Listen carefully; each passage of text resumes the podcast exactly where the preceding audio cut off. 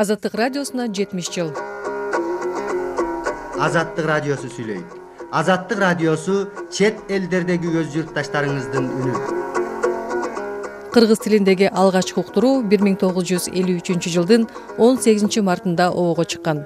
Кыргыздардын эгемендикке ээ болушуна биз да мен да үлүшүмдү коштум деп эсептейм. Тоталитардык доордун курмандыктары улутчул деп соттолгон ишмерлер чет өлкөдө жашаган журтташтар саясат экономика маданият эл турмушу туурасында эркин көз карашты чагылдырган азаттык радиосу темир көшөгү артында жашагандар үчүн баалуу маалымат булагына айланган. Ишиңерди уланткылагы азаттык чекит орг сайтында жана социалдык түйүндөгү баракчаларыбызда жетимиш жылдык тарыхка арналган макала баян маектерди сунуштайбыз